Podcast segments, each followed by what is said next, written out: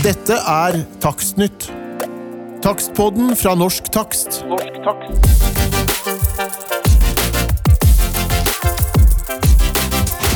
Hjertelig velkommen til en ny podkast fra Norsk Takst. Vi skal snakke om et eh, lite dyr som har fått stor oppmerksomhet de siste årene. Dagens Takstnytt er skjeggkre spesial. Og til å snakke om dette, så har vi fått et eh, fantastisk eh, bra ekspertpanel. Vi har med oss eh, Kolbjørn Moen Jensen, daglig leder i Mykoteam. Anders Aak, forsker ved Folkehelseinstituttet. Og Arne Nese, som er teknisk sjef i Rentokil. Velkommen. Og jeg begynner med deg, Kolbjørn. Hva er skjeggkre, og hvor kommer de fra? Vi har jo alltid kjent dette lille sølvkreet fuktige steder. Og et annet uh, nytt dyr dukket opp på 2012-13-14-tallet. Da var det mange rare, store skader av det vi trodde var sølvkre, men det var en annen art. Skjeggkreet var kommet til Norge. Trolig via post-varesendinger fra andre siden av kloden.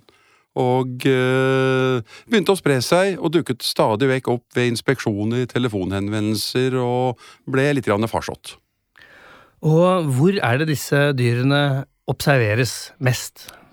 Du observerer dem tidlig på morgenen, klokka halv sju om morgenen når du skrur på lyset på baderommet, eller i underetasjen, gjerne der det er gulvvarme, og de er lysskye.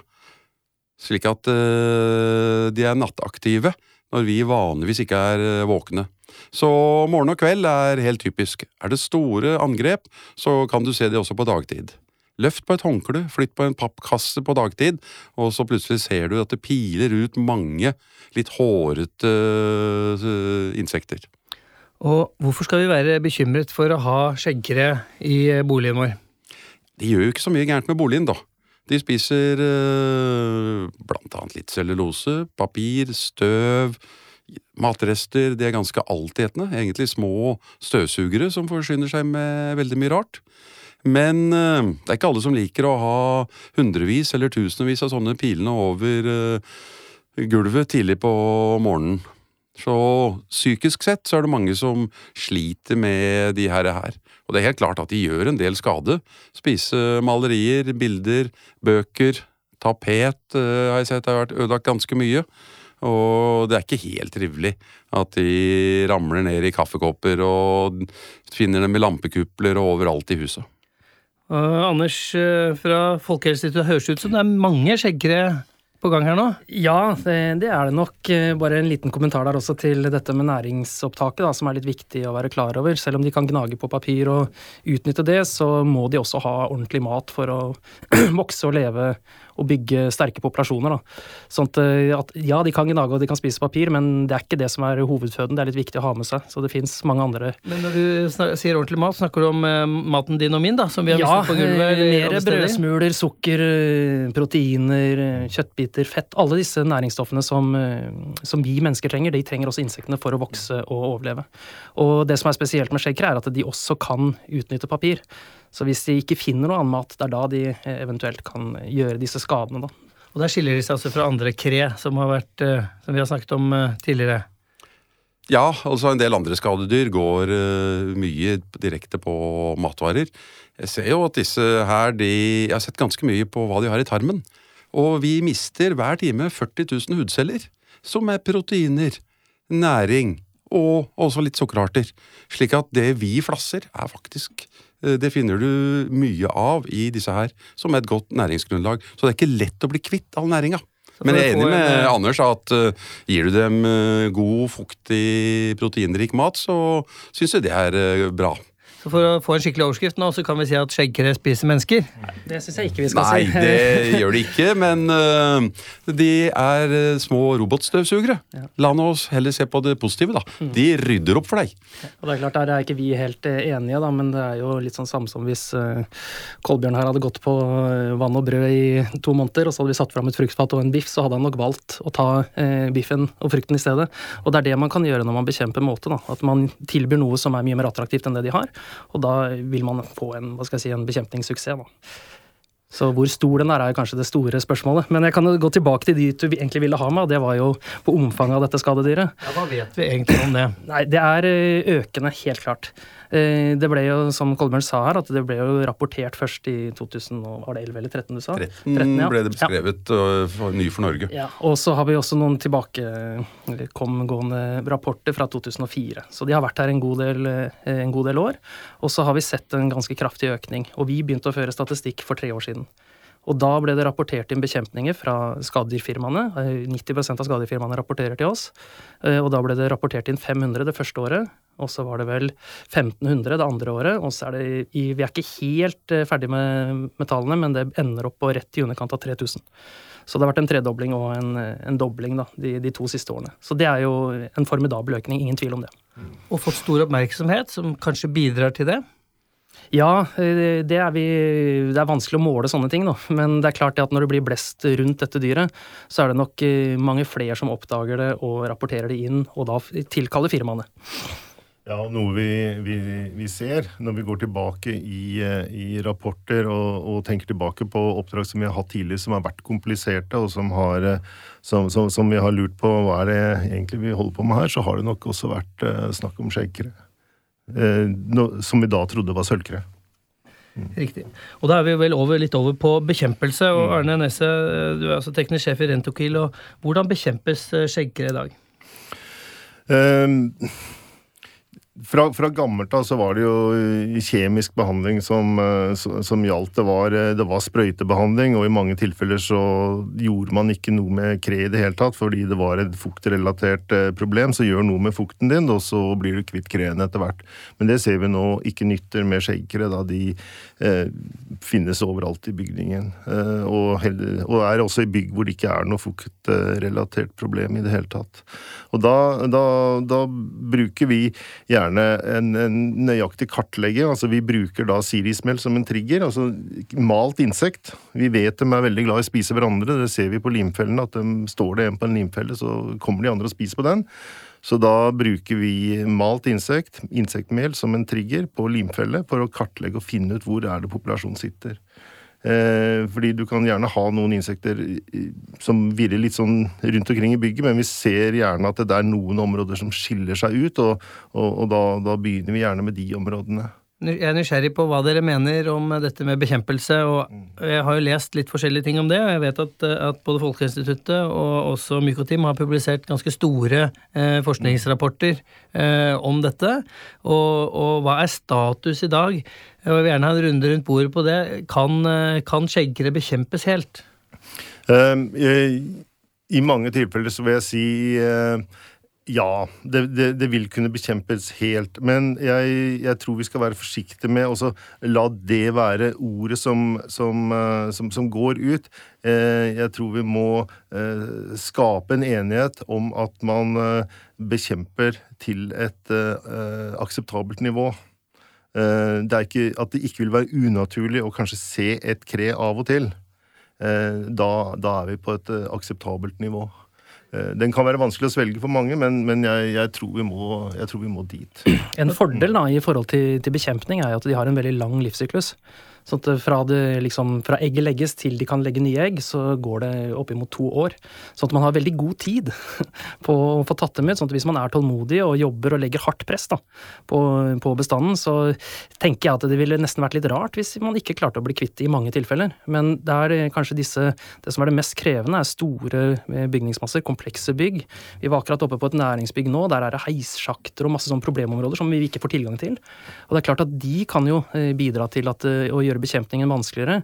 Hvis man har et borettslag med 150 leiligheter, som har spredd seg til alle leilighetene, så må man inn i alle leilighetene for å, for å gjøre en bekjempning. Og det er klart at det er ekstremt krevende, men der har vi heldigvis eh, proffe store firmaer som, som håndterer det også. Så det å bekjempe, eh, hva skal jeg si, eh, presse dem hardt over tid, det er i hvert fall gode muligheter for suksess. Helt enig i det. Og det jeg vil trekke inn, som er veldig viktig, er bygningsfysikken. For der de skal legge egg og utvikle de første mm, stadiene sine, så må de ha en eh, 55-60% relativ luftfuktighet og gunstig temperatur. Så hvis du kan finne disse stedene og legge presset på det, det blir gjerne på utsiden av baderom, der det er varmekabler mot betong, en del sånne ting. Og det er helt klart at det er en økologisk nisje som det er blitt mye mer av i nyere bygg enn i gamle, kalde, gjennomblåsende eneboliger. Så det er helt klart at bygningsmassen har endret seg. Og hvis man tenker på biologien og bygningsfysikken, så ser man også hvor de har arnestedene sine, og så legger man forgiftet åte, sprøyting, utstrakt bruk av limfeller, eller kan man tørke disse områdene på de begrensede områdene? Da får man ned kjemikali, eventuelt kjemikaliebruk, og man får tatt det på en riktigst mulig måte. Byggene burde jo vært bygd rimelig skjeggkresikre, men eh, sånn er ikke virkeligheten. Men vi ser eh, veldig godt at det er eh, mikrooaser hvor, hvor de utvikler seg. Ja, det er veldig riktig det som sies, at det er massevis av kriker og kroker som de kan gjemme seg i, og som også eh, de kan finne mat i, andre døde insekter og alt mulig, egentlig. Så, så det, er, det, er, kjempekrevende, det er ingen tvil om det. Men jeg kan også si litt mer, vi har gjort et ganske fint studie som viser effekten av de forskjellige bekjempningsstrategiene man har. Da. Man har jo muligheten til å gå på med, med, med limfeller for å fange dem ut, rett og slett. Man har muligheten til å sprøyte, og så har man muligheten til å bruke forgifta åte. Da. Og av de alternativene, så det vi så, da, hvis man tar en sånn direkte sammenligning, så hadde limfeller hadde ca. 10 eh, bekjempningseffekt. Eh, sprøyting 10 Av bestanden i det aktuelle Altså relativ, relativ reduksjon var på 10 mm. i løpet av en fireukersperiode. Eh, og tilsvarende effekt for sprøyting var på ca. 20% mens da den forgifta åta, den gode maten som vi legger ut for dem, eh, den ga nesten 40% i løpet av fire uker. Eh, I, i relativ differanse, da. Og det som vi på en måte tenker rundt det da, er at limfellene gir litt lite, litt svak effekt, egentlig. Men det gir jo en effekt, helt klart. Så da man, skal man bruke det, så må man være mye mer tålmodig. Da tar det lengre tid. Sprøyting er litt høyere risiko for forgiftning sammenligna med åte, og virker faktisk litt dårligere. Så da står man egentlig igjen med den eh, forgifta åte som det beste alternativet. Det sikreste og det mest effektive. Og det er jo egentlig gunstig, da. Det ideelle hadde jo selvfølgelig vært feller så vi slapp å bruke gift. Det hadde vært helt optimalt hvis vi hadde fått til det, men det tar veldig lang tid. Og det som vi også merka i det studiet, det var at folkene som hadde eh, fellene inne i husene sine, de syntes det var litt frustrerende å måtte ha massevis av feller for å oppnå 10% effekt. Da. Så det er litt sånn, sånn teknisk status rundt bekjempningsstrategier, da. Ja, men når man fysisk sprøyter, hvor er det man sprøyter i et, i et hjem da? Eh, det har vært Eh, i Norge så har det vært en del sånn sprøyting, eh, litt sånn generell sprøyting langs lister og, osv. Men det vil nok være tilstrekkelig å bruke gift i disse, hvis man finner alle disse skjulestedene, og identifiserer de som Kolbjørn snakker om her, eh, og så sprøyter man kjemisk, behandler de stedene lokalt og får de inn i sprekker og kriker og kroker, og da reduserer man jo eksponeringsfaren også. Er dette gift eh, som er annerledes enn den man bruker mot eh, vanlige insekter? Jeg tenker på permetrin og sånn som de fleste Nei, dette kjenner. Dette er nøyaktig det samme. Ja. Det som jo er viktig, er jo denne kartleggingen. Eh, få en god kontroll hvor i bygget skjeggeren er. Ikke de store voksne som du kan finne i alle etasjer overalt, men hvor de minste nymfene er, altså hvor arnestedene er. Og går det an da å behandle og ta disse mer begrensede områdene. Det jeg også har tenkt på og sett litt på, er eh, å behandle skjeggkreskader vinterstid. Altså når det er ti kuldegrader ute, så går de ikke på husveggen. De er ikke ute i veggen, de er ikke ute i taket. Men de holder seg inne i kjernen av bygget og på de varme områdene. Eh, behandler du midt på sommeren, så har jeg veldig mange tilfeller sett skjeggkre ute på kledning, ute i takkonstruksjoner, altså på hele huset og til og med utenfor huset. Og de får du da ikke tatt, og da har de god nok luftfuktighet og næringstilgang og er der, og gir en ny innsmitting. Men behandler du i den kalde delen av den kalde årstiden, så er alle sammen inne. Jeg, jeg tror skal man lykkes med, med Eh, kontroll på alle boliger i, i, Norge, så må man også gå videre ut. Eh, de fleste som eh, bor et sted, de, også, de jobber også et sted. Og vi ser, vi ser, store arbeidsplasser hvor det kan være samlet opptil flere tusen, tusen folk under, under, samme tak, så finner vi jo mengder av, av, av skjeggkre. Det er klart at det, disse, disse, fraktes jo også til og fra eh, arbeidsplassene og, og hjem. Eh, vi tenker skoler, barnehager, som da sirkulerer mellom hjem og stedet man er på dagen. Så, så det er ikke satt at man vil lykkes med å tenke kun bolig. Jeg tror man må tenke videre ut. Det er i hvert fall det materialet som vi sitter med der.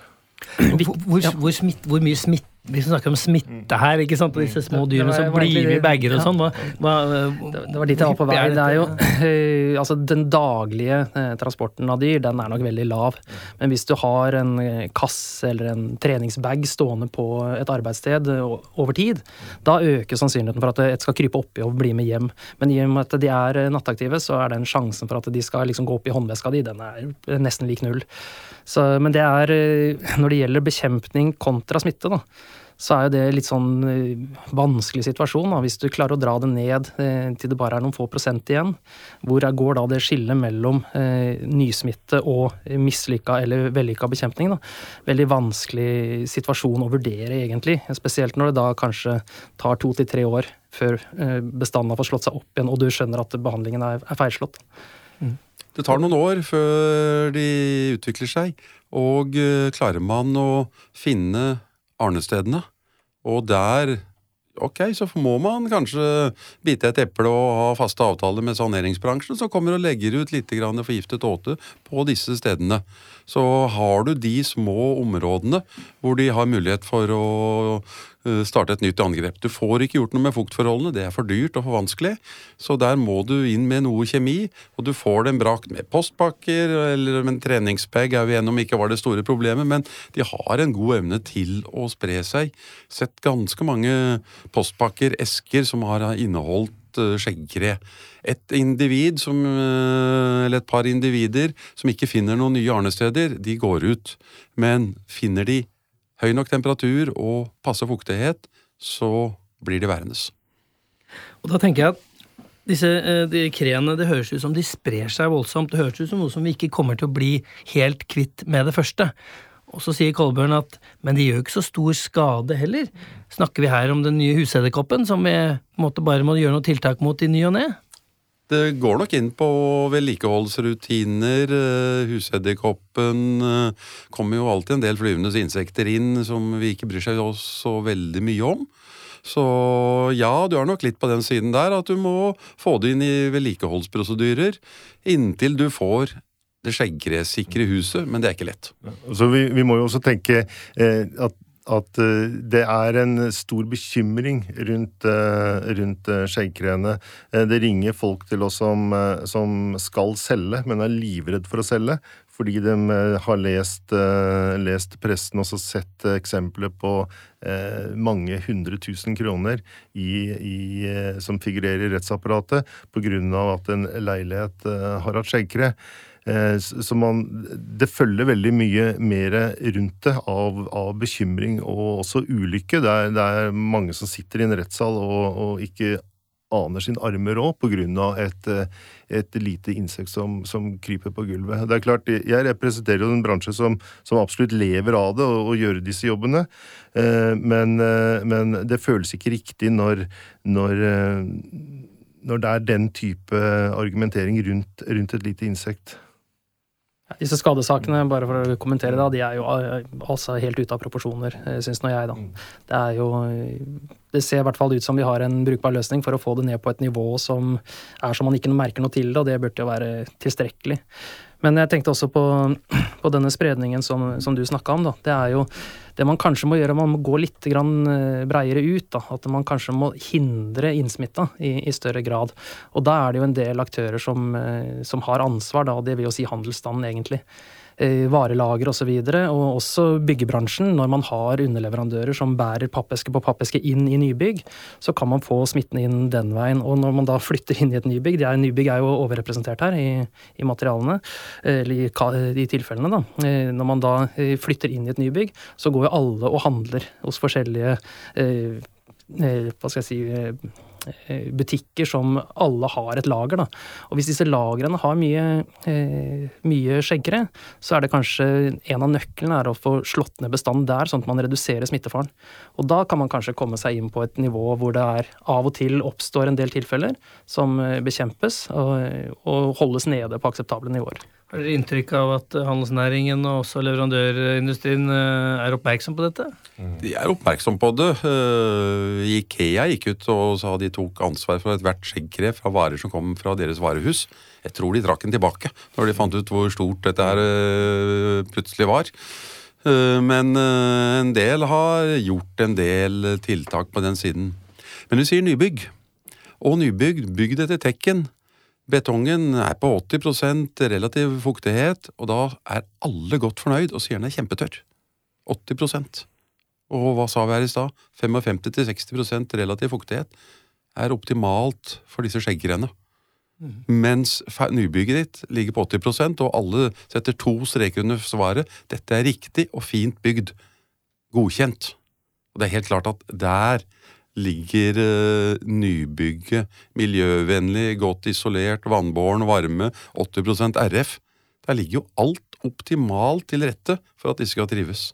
Her må man jobbe med byggebransjen og finne disse stedene og få det mindre gunstig for skjeggkre å utvikle seg og leve der, og det går åtte, ni, ti år før den fuktigheten går ut av bygget, minst. Jeg lyst til å spørre litt på tampen her også når det gjelder eh, disse tiltakene som man gjør. Det høres ut som at det skal både gjøres og selges eh, mange tiltak mot skjeggkre fremover. Og, og hvis vi ser på eneboliger, da, som er en, en, en størrelse som de fleste kan relatere seg til. En angrepet eh, enebolig, eller eh, hva, hva tenker man at, eh, at man må investere i en i sanering eller bekjempelse, som dere sier her? Ja, jeg mener at eh, For å få gjort dette på en grundig og god måte, så, så må man regne med at det ligger i størrelsesorden eh, 30 000-50 000 kroner. For å få gjort dette på en, eh, på en riktig måte. Ja, har ikke så mye å si på de tallene der sånn. Jeg ville ha begynt med en uh, grundig og utvida fuktkontroll. Uh, der hvor det er litt økt temperatur, altså varmekabler, og ikke bare fuktmåleren rett i veggen, men da skal du på de rette steder på undersiden av sviller. Litt vanskelig å måle. Eh, er det problemer, gjør noe med de problemene. Er det ikke noe problemer der, så er det rart om du skulle ha store, store skjeggkreskader. Ja, jeg, jeg ser jo at en, en kunde som, som tar kontakt med oss, som er bekymra, som har mistanke om at det er skjeggkre, er, er ikke så veldig mottagelig for at vi skal gå inn og så eh, begynne med andre operasjoner som ikke handler om skjeggkre, som altså måler fuktighet. De er interessert i å gå veldig direkte på det og, og kartlegge og få bekreftet har vi skjeggkre eller har vi ikke skjeggkre. Og det, det er i hvert fall den veien vi går, også, og, og få avdekket det. Er det et problem, eller er det ikke et problem? Vi jobber jo teoretisk, vi da, som er på Folkehelseinstituttet, eh, men vi har vært en del ute i felt, vi også. Og det vi, det vi ser når vi gjør målinger da, i mange rom, det er at eh, hvis det har kommet så langt at folk faktisk oppdager skjeggkre, så er det i, i praksis i alle rom i Altså, i, I praksis er det i alle leiligheter i et boligkompleks, og det er i alle rom. Og det er klart det at eh, de dyra ønsker man jo å få tatt bort. Sant? når vi har gjort litt sånn Vi har prøvd å liksom gjøre, gjennomføre en bekjempning. Vi kan ikke det, for det er jo liksom de de proffene som er gode på det. Men da klarer vi oss med ganske Si vi klarer oss med en fire-fem timer. Eh, For å slå bestanden ned på eh, med 90 da, er det vi har klart når vi har test, prøvd oss som, eh, som bekjempere. Det er klart Vi har jo brukt mye mer tid enn det, fordi vi har jo målt alt underveis også. Men det er ikke nødvendig, nødvendigvis sånn at det skal gjøres en enorm jobb for å i hvert fall få det ned under kontroll. da. Det, Det har snakket en del om den om kakerlakkgift som nylig er blitt godkjent til bekjempelse. Eh, Er, det, er dette et nytt eh, vidundermiddel for å, for, å bli, for å bli kvitt dette? Det er i hvert fall et godt nytt, eller ikke nytt middel, men et godt middel, eh, som det er lovlig å bruke mot eh, skjeggkre. Og fordelen som Folkehelsa har vist, er at det er effektivt, og det er lett å applisere i små mengder. Lite gift, og ligger der så måte som de stryker med av.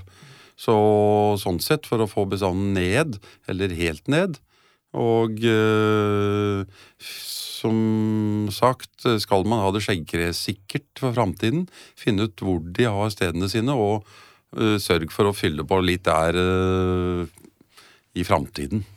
Eh, Jeg som representerer da eh, bransje som har eh, veldig mange teknikere ute, land og strand rundt, så, så, så hviler det også et tungt ansvar når, når det ble publisert at nå er åte kommet her, det er godkjent eh, til bruk.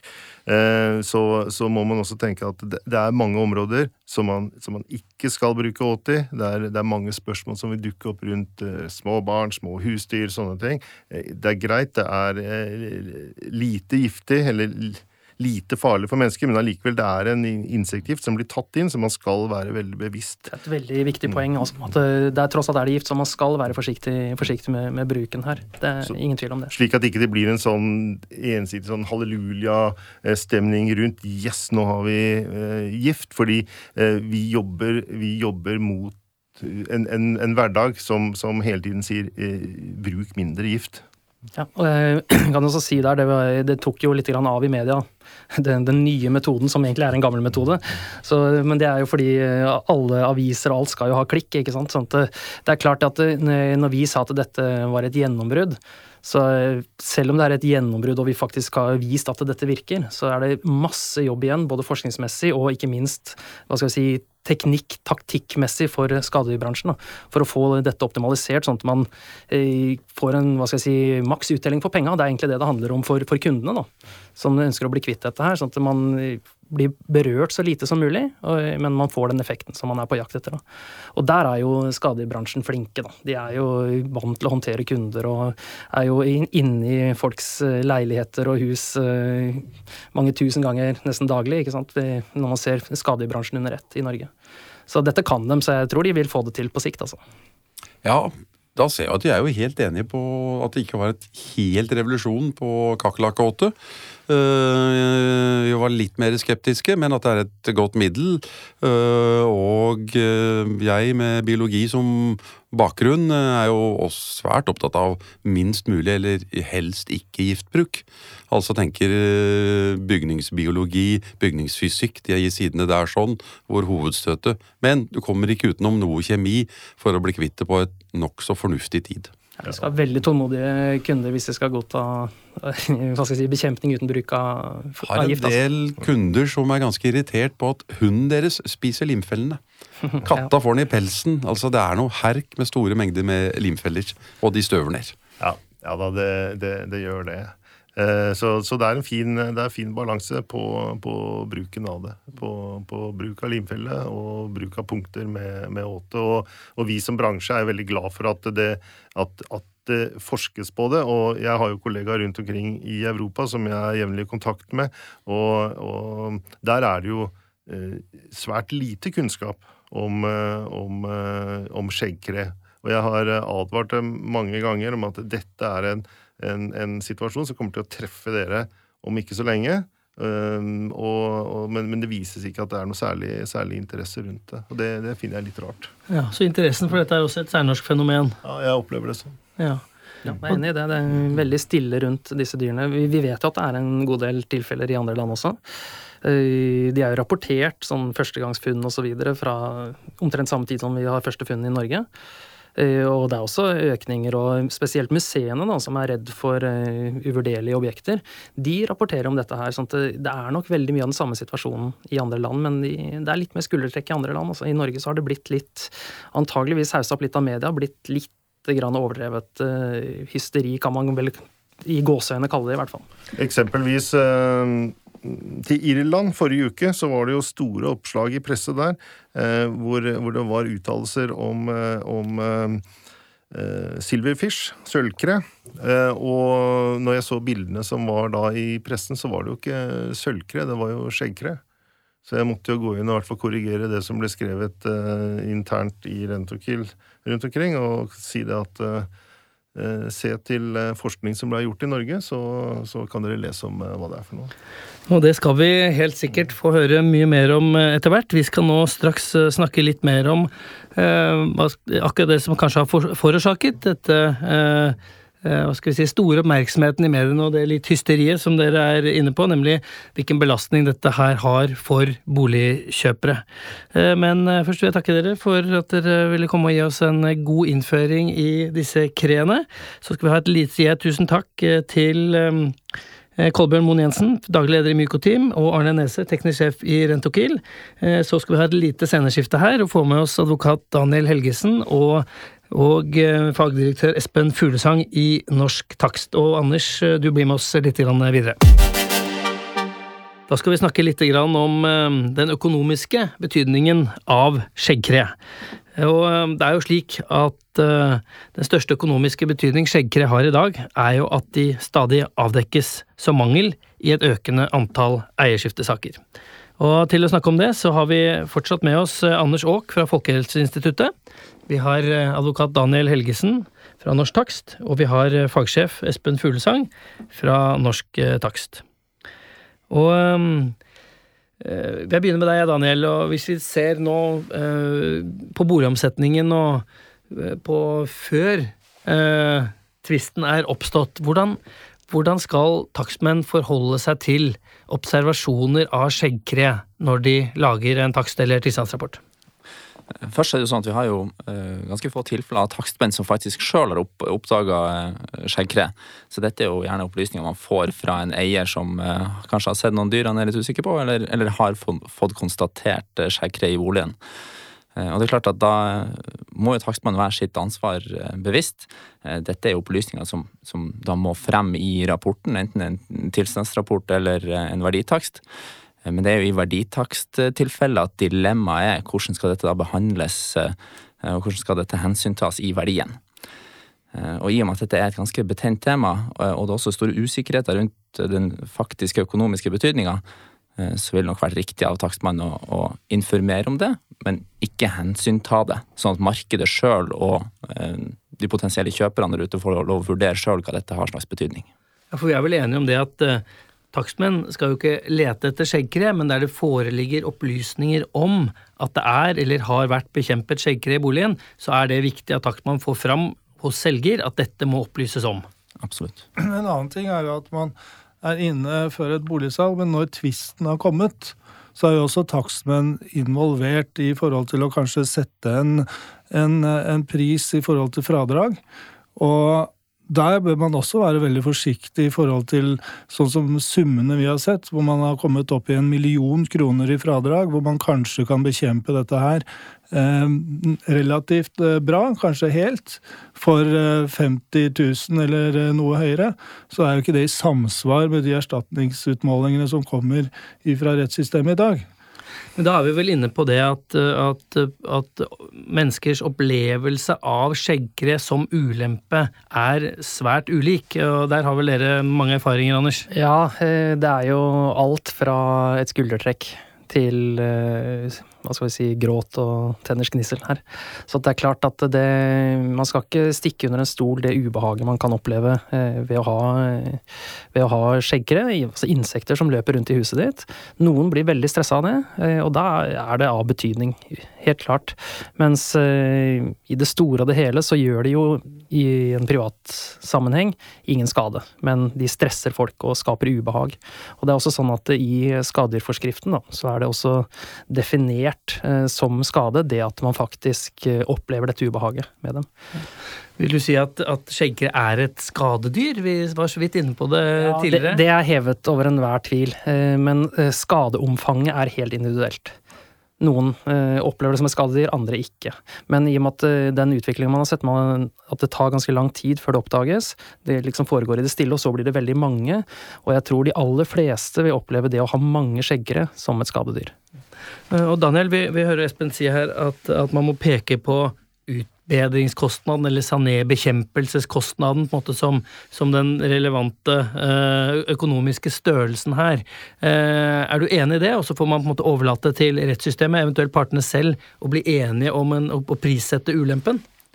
Ja, altså sånn fra, fra takstbransjens ståsted så er jo det utbedringskostnaden det nærmeste man kommer en, en mulig kvantifiserbar uh, kostnad. Eh, I hvert fall uten å, å synes for mye.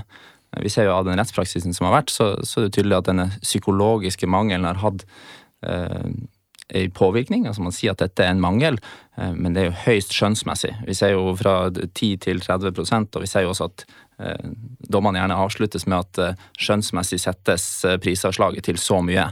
så dette er en vanskelig øvelse. Mm, bare et innspill der litt på skjeggkresbiologi igjen. Da.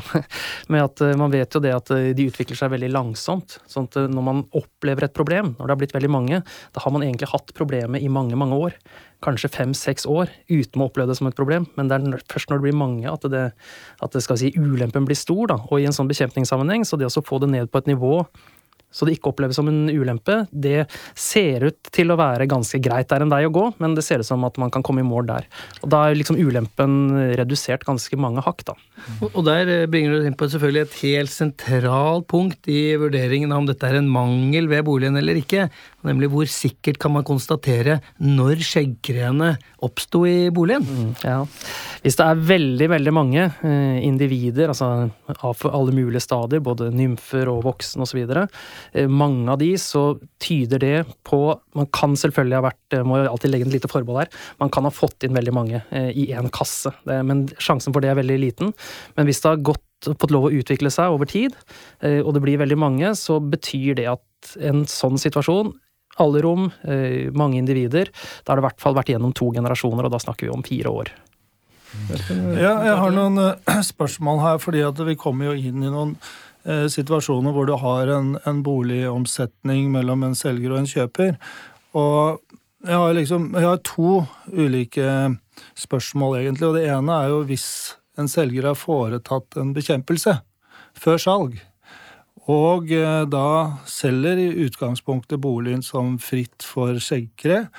Eh, ny kjøper overtar, og man oppdager kanskje etter tre måneder eller fire at det, kommer, at det er skjeggkre i boligen.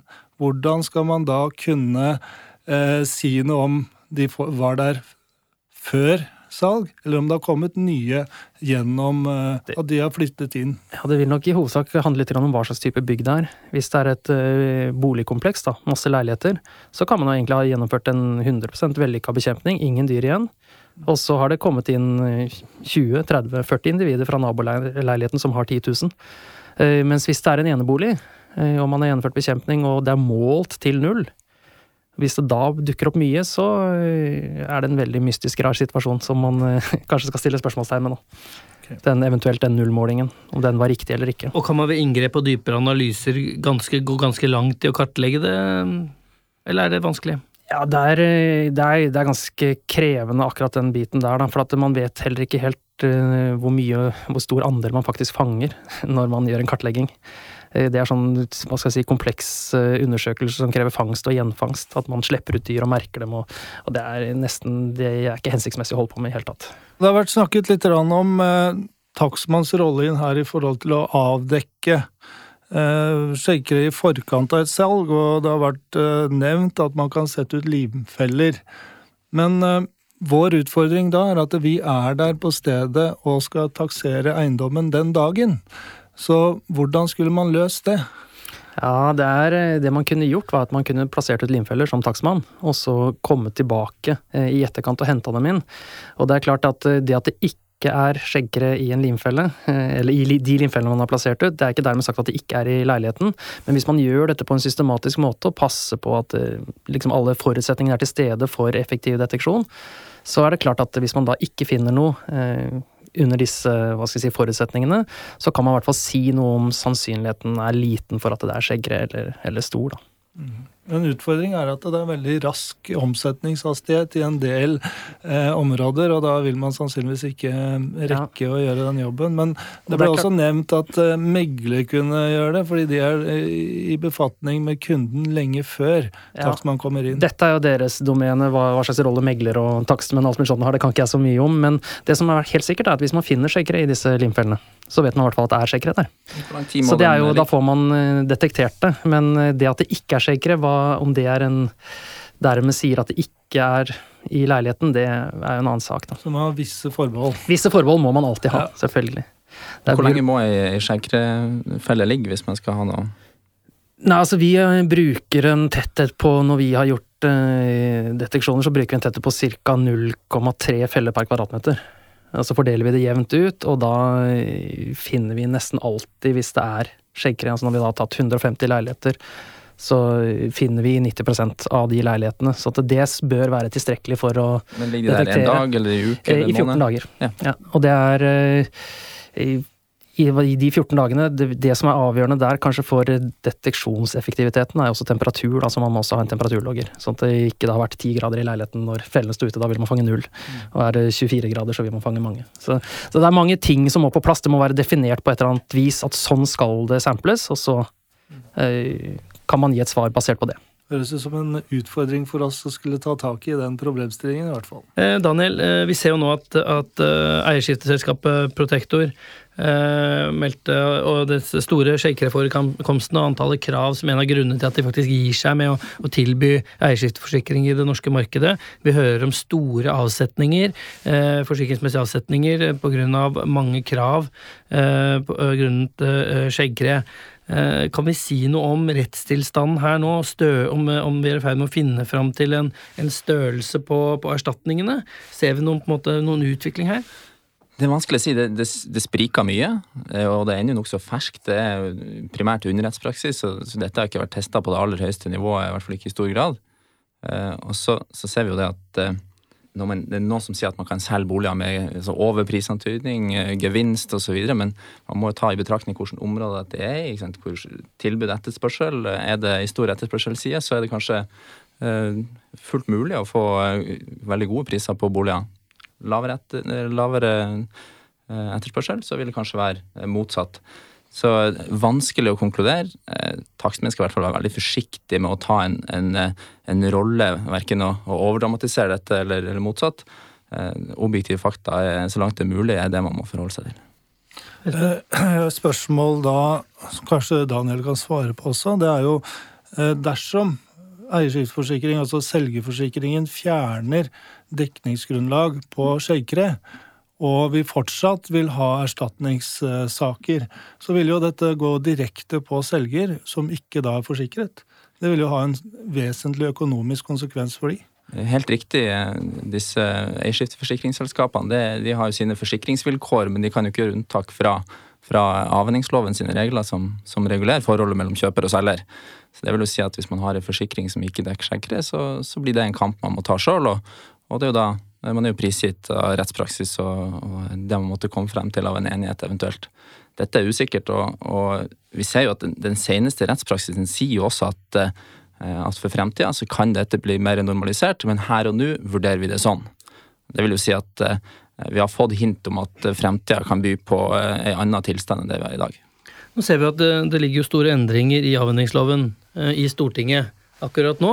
Eh, men etter dagens eh, regelverk, kan man ta et eh, forbehold, spesifikt forbehold om skjeggkreforekomst i, i en bolig man skal selge?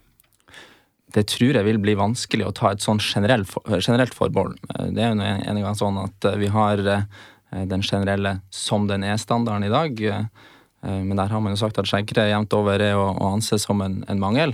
Eh, Og det å si at hvis man senere skulle eh, få et eh, skjeggkre, så er det ikke en mangel, det er nok ikke mulig.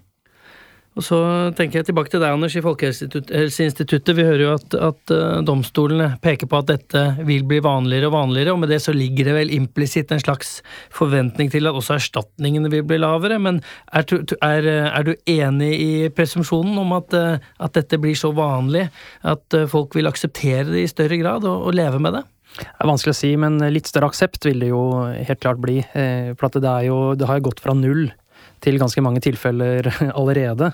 Og det vil jo medføre at folk aksepterer det i større grad. Men eh, hvorvidt dette blir vanlig eh, over, over hele fjøla, det vil egentlig være litt avhengig av hvor gode skadedyrbransjen blir til å håndtere det. Og nå har vi akkurat begynt med å prøve å finne løsninger, så gi oss et par år til med forskning og skadebransjen skadedyrbransjen et par år til med å bygge erfaring, så tror jeg kanskje at eh, det blir ansett som et, eh, et greit problem å ha, og da blir det jo hyggeligere for folk, eller eh, ikke hyggeligere, det blir i hvert fall ikke så ubehagelig for folk å, å få skjeggkre, da. Litt positivt der, altså. Eh, Daniel, eh, hvis vi skal oppsummere eh, helt på slutten hvordan takstmenn bør forholde seg til dette når de blir bedt om å, å estimere, eller si noe om skjeggkre som en mangel. Du Tenkte du da i, i etterkant? Ja, i ja etterkant, ja. Ja, da er det jo viktig. Saneringskostnaden, altså bekjempelseskostnaden, den er jo sentral, og den som er mulig å, å beregne helt tydelig. Og så vil det jo være å, å skulle til å si, være nøktern eh, og ikke hauste dette opp til noe mer eller mindre, og forholde seg til de, de tallene man eh, har med hensyn til eh, oppdagelse osv. Jeg tror la det være siste ord, jeg. Ja. Da var det vi hadde i Takstnytt for i dag. Tusen takk til Anders Aak i Folkehelseinstituttet. Folkehelseinstituttet, må jeg si riktig nå. Daniel Helgesen og Espen Fuglesang i Norsk Takst. Dette var Takstnytt. Takstpodden fra Norsk Takst. Norsk takst.